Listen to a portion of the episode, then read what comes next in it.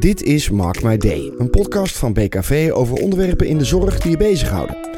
Elke aflevering staat een thema centraal en vandaag praten we over het Medical Traineeship. Wat is zo'n traineeship en hoe kan het je helpen om je verdere loopbaan uit te stippelen? Op die vragen gaan we een antwoord proberen te vinden in deze podcast. Mijn naam is Paul Sanders en dit is Mark My Day.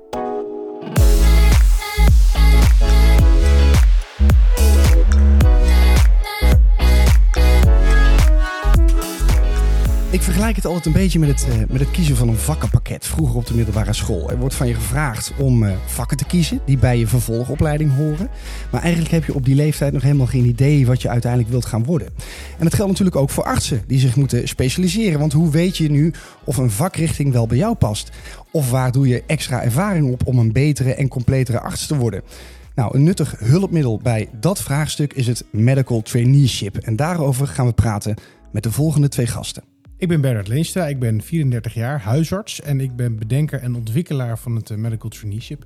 Ik ben Rebecca Slappekorn, ik ben 27 jaar en ik ben een van de medical trainees. Bernard, ik ga met jou beginnen. Je zegt het al, ik, uh, ik, ben, ik ben de bedenker van dat medical traineeship. Uh, wat is de definitie ervan? Wat is het?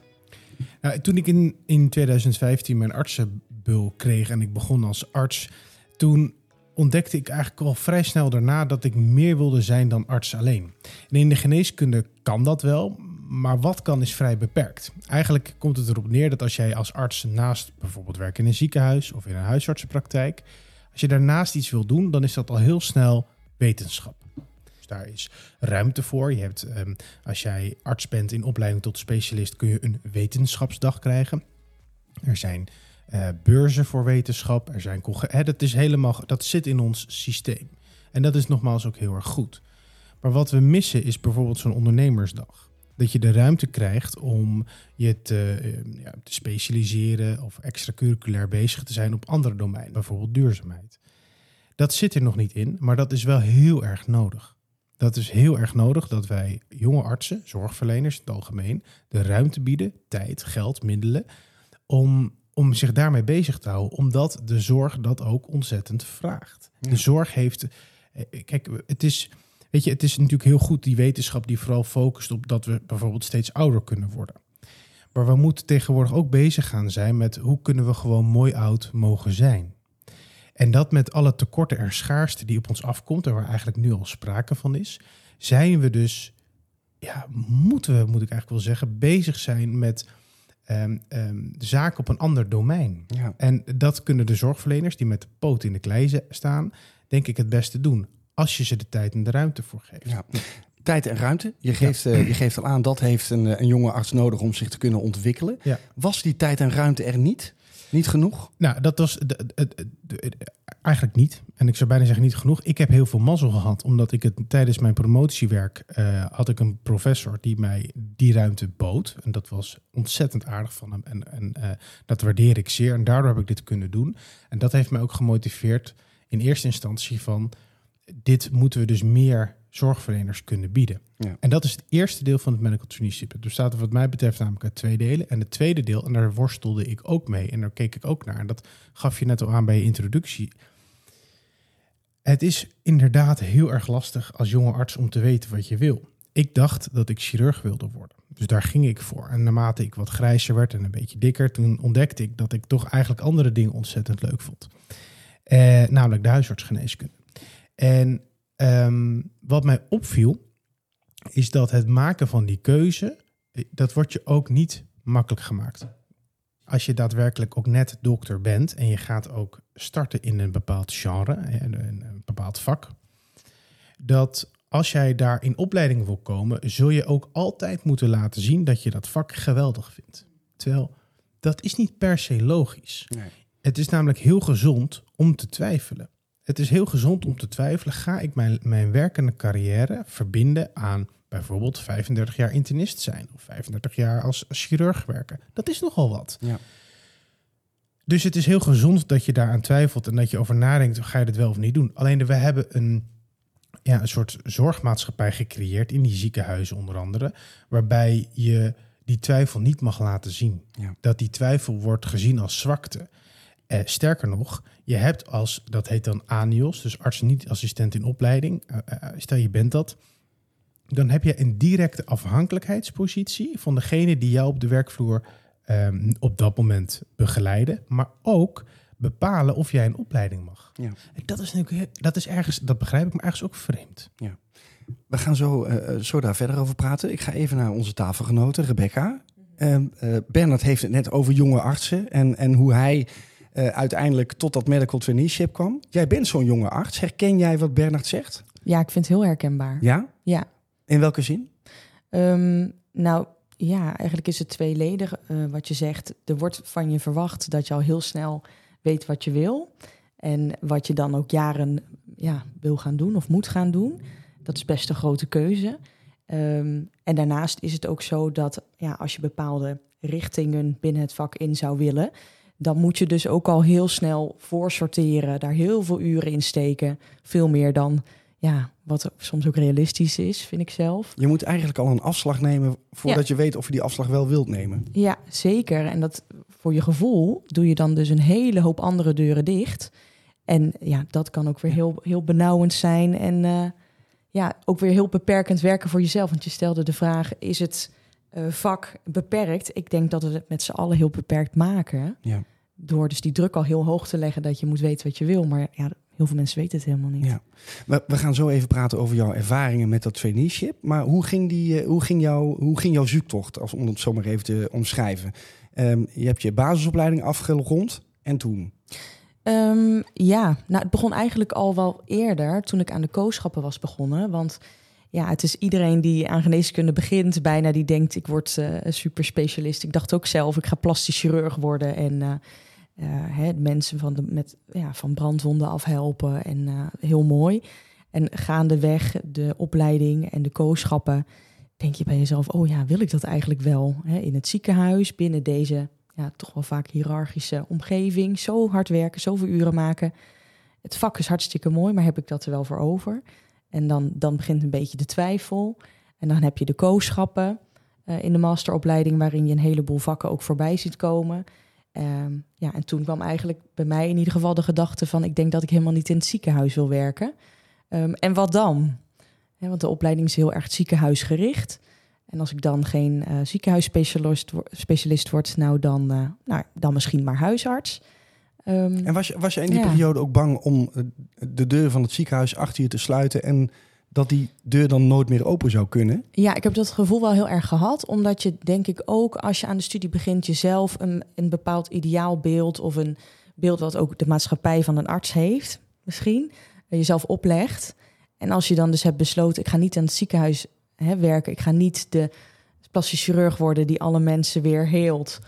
Dan, ja, oké, okay, wat ga ik dan doen? Ja. Dus het is ook wel een proces wat je dan zelf doormaakt. Van dan is het ook oké okay dat je dat dus niet gaat doen. Want er zijn een heleboel andere vakken die ook mooi zijn. Ja. En, ja. en hoe kwam dat medical traineeship op jouw pad? Um, ja, ik heb, ik heb gezocht. Ik heb gewoon gezocht in eerste instantie. Um, ik had, al, uh, ik had zelf al uh, wat gewerkt als arts en um, ja, in loondienst geweest, in jeugdgezondheidszorg gewerkt, bijna twee jaar. En ik merkte dat ik vanuit mijn studie direct rolde in het werkende leven en daardoor elke dag werken en weer naar huis en werken. En ik zocht eigenlijk naar een stukje verdieping naast het werk.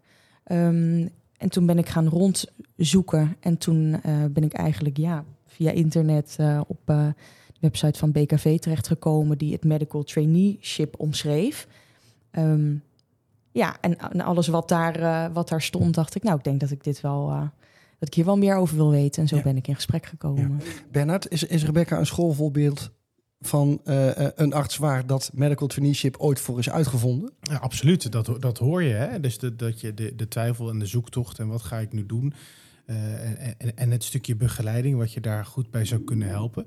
Nee, dat, dat is het zeker. En het, het leuke eigenlijk ook aan de medical traineeship is dat het zo ontzettend divers is. Dus je hebt, uh, zoals het mooie voorbeeld van Rebecca, maar je hebt ook de voorbeelden waarbij um, uh, inderdaad de artsen echt een, een, een hele bedrijf uh, kunnen opzetten naast de werkzaamheden um, als arts. Of um, in, een, in, in een soort nou, we hebben zelfs iemand gehad die met een bordspellenfabrikant samen ging werken. ehm, om, eh, om een spel te maken voor ouderen met beginnende dementie. Ja. Aan de andere kant werkten zij in de kliniek ook met ouderen. En, en, en dan zie je dat zo'n bordspellenfabrikant heeft die kennis nodig om, eh, eh, om zo'n spel te kunnen ontwikkelen. En zij wilde graag dat spel ook zo maken. Nou ja, zie je, dat, dat, dat soort interessante voorbeelden, ja, dat is, dat is het mooie van het medical traineeship. Zou het een, is het een uitkomst? Ehm, de traineeship Ja? bedoel je? Ja, ik vind het wel. Maar ik, ik ben er heel enthousiast over. Ja. Omdat het mezelf dus eh, wel ook heel veel heeft gebracht. Daar zal ik straks wel een beetje over vertellen. Maar Nou, ik ben, ben eigenlijk nu wel eh, benieuwd naar wat, wat heeft het je gebracht? Want eh, jij werkt nu. Wat doe je nu op dit moment? ja, ik werk dus nu in de ouderengeneeskunde, in het verpleeghuis en op een revalidatieafdeling voor ouderen. En ehm, ehm, ja, het is eigenlijk toen ik klaar was met de studie en ik zei al, ik was al een beetje aan het wankelen van wat wil ik nu eigenlijk.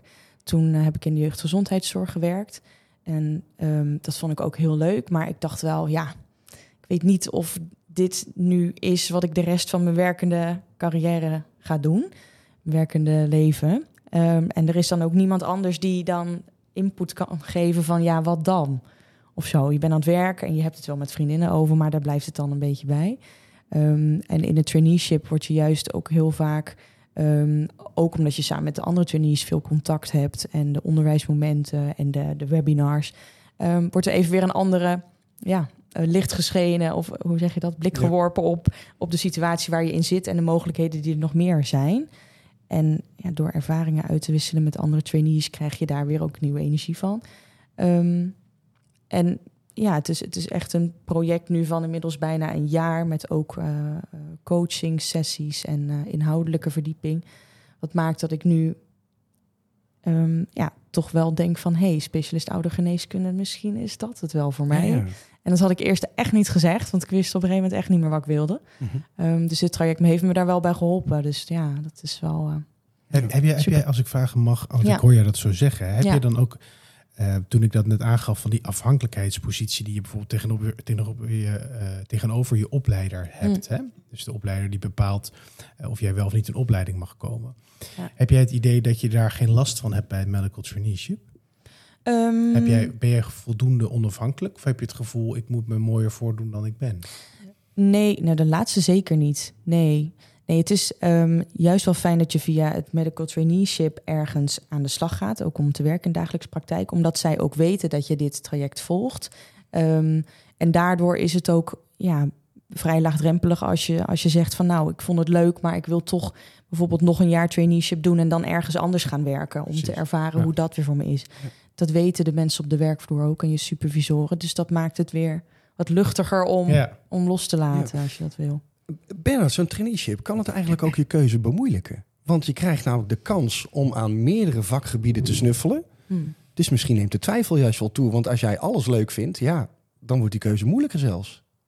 Ja, dat geloof ik eigenlijk ook wel. Kijk, het doktersvak aan zich is echt een prachtig vak. Dat is natuurlijk een beetje nu wij van WC Eend, maar Mhm. Ehm, dat, dat, dat is het echt. En ik denk dat eh, dat is ook voor, verderweg de meeste dokters zo. Want daardoor word je ook dokter. En ehm, ik denk ook eigenlijk dat de verschillen tussen wat je inhoudelijk doet als dokter niet eens zo groot zijn als dat je vooraf denkt dat het is. Ik durf wel te beweren, en ik denk dat ik hier wel een beetje vijanden mee maak, maar Ja. ik durf ergens wel te beweren dat als de in een parallel universum bijvoorbeeld de urologen, de alle jonge artsassistenten urologen, waren omgewisseld dat zij ook misschien wel heel gelukkig waren geweest als orthopeden. Ah, ja. Ze zullen dat waarschijnlijk niet zo snel zijn. Maar ik, en ik denk ook bijvoorbeeld, en, en laat ik dan ook naar mijn eigen vak kijken, dat ik ook heel gelukkig zou kunnen worden als specialist ouderengeneeskunde. Hmm. Omdat de kern blijft dat jij met jouw kennis en kunde het leven van iemand een beetje beter maakt. Of soms heel erg veel beter maakt. Als, ik- maar als, als ik nu eh, advocaat van de duivel speel, dan zou ik ook kunnen zeggen dat die traineeship voor twijfelkonten is. Ja, dat is het ook wel. Ja, nee, maar dat denk ik ook echt. Ik denk dat het heel goed is voor twijfelkonten. Dat het je een, ehm, een, een- een vangnet biedt voor als jij denkt... ik, ik, ik ga hem hierin eh, eh, storten en ik, ik kom er na eh, drie kwart jaar achter... dat is echt helemaal niks voor mij en nu moet ik weer helemaal op zoek. Maar dan, dan is dat vangnet er. Ehm, en dus ik denk dat het heel goed is voor twijfelkonten. En ik ben ook een groot fan van twijfel. Want dat is denk ik heel gezond als je heel jong bent. Ja, Ik vind het wel, uh, wel interessant om je even op aan te haken. Want precies dit waar, jullie het nu over hebben, uh, dat overkwam mij ook op enig punt. Dat dus de oude geneeskunde heeft mij heel erg verrast. Ik had nooit gedacht dat ik het zo uh, leuk of interessant zou vinden, want het klinkt altijd een beetje stoffig. En toen ik dacht, oké, maar als dit nu ineens voor mij een reële optie is, dan zijn er dus nog heel veel meer opties, wat misschien toch ook wel interessant is. En Je horizon wordt een stuk breder. Ja, en toen dacht ik, nou, misschien kan ik dan nog een jaar daar gaan kijken en een jaar daar gaan kijken, om dan dus erachter te komen wat dan uiteindelijk het beste is. Maar dat is zo mooi aan, um, aan dit traject, dat ik ook een, uh, een coach heb die ook met je meedenkt. Uh, en heb ik uh, één keer in de zoveel weken een afspraak mee. En die legde dat weer bij me terug van ja, oké Rebecca, maar volgens mij kun jij wel overal gaan kijken en is er overal wel iets wat je leuk vindt of waar je energie uit haalt. Maar ik denk niet dat dat jou gaat helpen om die uiteindelijke keuze te maken. Dus we moeten terug naar de kern. Waar krijg je energie van? Wat vind je belangrijk? Uh, qua inhoud, maar ook qua context. Um, nou ja, en, en doordat ik dan ook even weer met haar kon, kon sparren en zij me even terug uh, ja, terug naar de kern bracht, zeg maar. Um, ja, dan, dan wordt ook weer je keuze, uh, dan word je ook weer geholpen met de keuze maken, zo moet ik zeggen. We hadden het net even over die stip op de horizon. Want je zegt we kunnen nog uh, veel verder met dat medical traineeship. Wat zou die stip zijn? Nou, wat mij betreft is een, denk ik een hele belangrijke uh, dat het medical traineeship ook al gezien wordt als zo'n kwalitatief ontzettend goede opleiding dat je bijvoorbeeld een reductie kan krijgen op al bestaande opleidingen. En ik denk dat dat eigenlijk een win-win-win situatie is. Het is namelijk win voor de, um, uh, voor de, voor de medical trainee, want die hoeft minder lang uh, een, een opleiding te doen. Uh, het, het is win voor de samenleving, want het gaat ons minder geld kosten, want die opleidingen zijn hartstikke duur. Um, en het is win voor, uh, nou ja, eigenlijk voor iedereen dat die dokter eerder als specialist klaar is. Want die kan dan uh, veel sneller mensen gaan behandelen. En we hebben overal wel ongeveer tekorten in. En wat ik ook nog, uh, wat, ja, echt wel als tip, van mij mogen we nog wel meer duurzaamheidsprojecten. Ik denk echt dat het belangrijk en dat duurzaamheid in de breedste zin van het woord. Dus niet alleen zeg maar CO2-reductie of minder plastic in de zorg, ook heel belangrijk, ook duurzaamheid. Maar gewoon ook duurzaamheid van, van de mens. Um, dat, je, dat we de, nou, één voorbeeld, personeelstekorten in de zorg. Daar, gaan we, daar hebben we al ontzettend mee te maken. En, en alle voorspellingen laten zien dat dat veel erger gaat worden. Ik ben ervan overtuigd dat de oplossingen voor die tekorten, die komen vanuit de zorgverleners zelf. Niet vanuit de snelle jongens uit de Zuidas, maar echt vanuit de mensen, zoals ik net al zei, met de poten in de klei, die, die de taal spreken van de zorg, maar die ook wat tools meekrijgen om breder te kunnen denken van oké, maar hoe kunnen we het nou bijvoorbeeld nog efficiënter inrichten? Of hoe kunnen we middel X of Y bedenken waarmee we uh, nou ja, duurzame toekomstbestendige zorg realiseren? Maar dan moet je die artsen en die zorgverleners wel de ruimte daarvoor geven. Zou het eigenlijk verplicht moeten worden? Moet elke basisarts een medical traineeship gaan volgen? Nou, ik heb wel, ik heb uh, principieel uh, moeite met dingen verplichten. Verplichten, ja. Maar ik uh, zou het wel willen aanmoedigen. Ja, kijk, um, ik denk ook dat er kansen liggen voor het medical traineeship. Bijvoorbeeld voor artsen die uit Oekraïne gevlucht zijn. Of artsen die uit Iran of waar dan ook gevlucht zijn naar Nederland. En um, moeite hebben om hier verder te kunnen als arts. Maar ergens een, een fundament zoeken. Nou, daar zie ik ruimte. Ik zie dus dat het echt heel erg veel zou gaan, kunnen gaan betekenen voor, voor de samenleving. Rebecca, ik, ik, ik geef jou in deze podcast toch een beetje het slotwoord. Oh. Ja. Ben jij op, je, op, je, op de plek terechtgekomen, denk je, nu? In die ouderenzorg? Nou ja, de, ik ben al wel heel ver in de keuze.